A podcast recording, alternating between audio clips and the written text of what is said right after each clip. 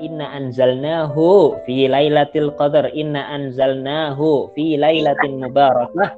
Kemudian apa? Syahrul Ramadan alladzi unzila fihi Al-Qur'an. Menunjukkan bahwa Al-Qur'an itu diturunkan sekali ya pada satu mah pada satu malam yaitu malam Lailatul Qadar. Tapi kalau kita lihat ke sirah, kita lihat ke sejarah, kita lihat ke buku-buku hadis dan lain sebagainya menunjukkan bahwa Al-Quran ternyata tidak hanya turun di malam Lailatul Qadar. Al-Quran turun tidak hanya di bulan Ramadan.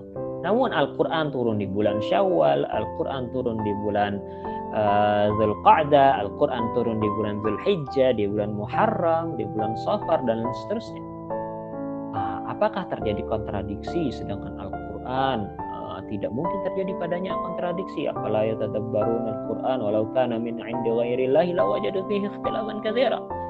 Ah sedangkan Al-Quran tidak ada ikhtilaf di situ maka Al-Quran adalah dari Allah Subhanahu wa taala.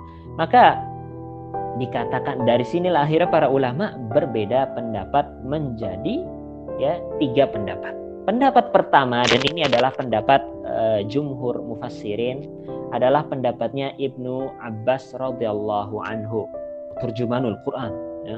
beliau berkata unzilal Quran jumlatan wahidah ila sama'id dunya lailatal qadar thumma unzila ba'da dzalika 20 sana Al-Quran diturunkan jumlah wahidah secara sekaligus ke langit dunia pada malam Lailatul Qadar kemudian diturunkan setelah itu ke muka bumi selama 20 tahun lamanya.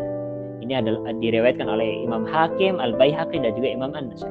Kemudian di riwayat yang lain, riwayat Al-Hakim, fusilal Qur'anu minadz dzikr, dipisahkan Al-Qur'an itu dari az-dzikr. Az-dzikr adalah Lauhul Mahfuz. Fawudi'a fi baitil izzah, kemudian diletakkan di baitil izzah minas sama'id dunya di langit dunia. Faja'ala Jibril yanzil bihi ala an-nabi sallallahu alaihi wasallam. Kemudian apa? Malaikat Jibril uh, membawa Al-Qur'an tersebut kepada Nabi Muhammad Wasallam nah, secara uh, berangsur-angsur. Apa yang bisa dirasakan oleh manusia dari uh, dari pendekatan seperti ini? Yaitu untuk menunjukkan kepada manusia betapa Al-Quran itu sangat mulia.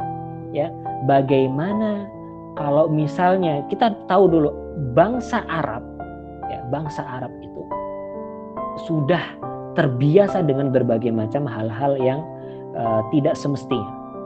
Khamr, perzinahan, kesyirikan dan lain sebagainya. Seandainya Al-Qur'an langsung turun dengan ayat-ayat gitu ya yang berkaitan dengan pengharaman khamr ya pasti orang-orang akan meninggalkan Nabi Muhammad meninggalkan Al-Qur'an. Kita tahu bahwa di Al-Qur'an itu bertahap dari awalnya itu disuruh bersabar, kemudian diperintahkan untuk melawan orang-orang yang menyakiti kaum muslimin, kemudian di, di, dibolehkan untuk memulai uh, peperangan di, untuk menyebarkan dakwah di jalan Allah. Bagaimana kalau misalnya yang kayak gini langsung ditaruh di awal-awal?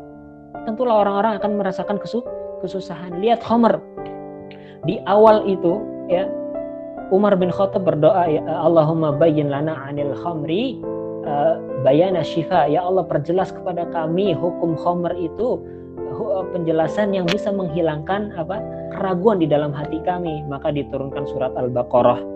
Uh, yas'alunaka 'anil khamri wal maisir qul ma itsmun kabir wa manafi'u linnas. Mereka bertanya tentang khamr dan maisir katakanlah di situ ada ada manfaatnya namun dosanya lebih besar. Kemudian diturunkan lagi setelah itu ayat uh, Allah di surat An-Nisa, ya ayyuhalladzina amanu la taqrabus salata wa antum sukara hatta ta'lamu ma. Wahai orang-orang yang beriman, jangan kalian dekati salat ya sedangkan kalian tidak memahami apa yang kalian baca. Jadi apa mulai dibatasi yang tadinya boleh minum khom, eh, dikasih tahu khamr itu dosanya lebih gede.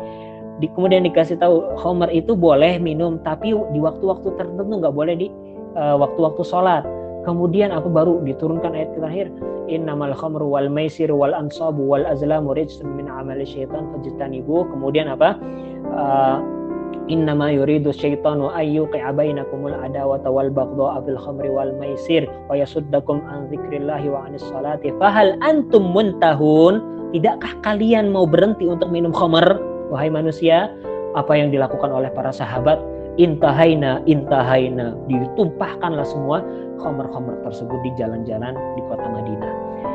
Ini bentuk tarbiyah Allah kepada uh, kaum muslimin ya dalam rangka uh, memudahkan mereka untuk mulai terbiasa dalam menjalankan syariat is dalam menjalankan syariat Islam.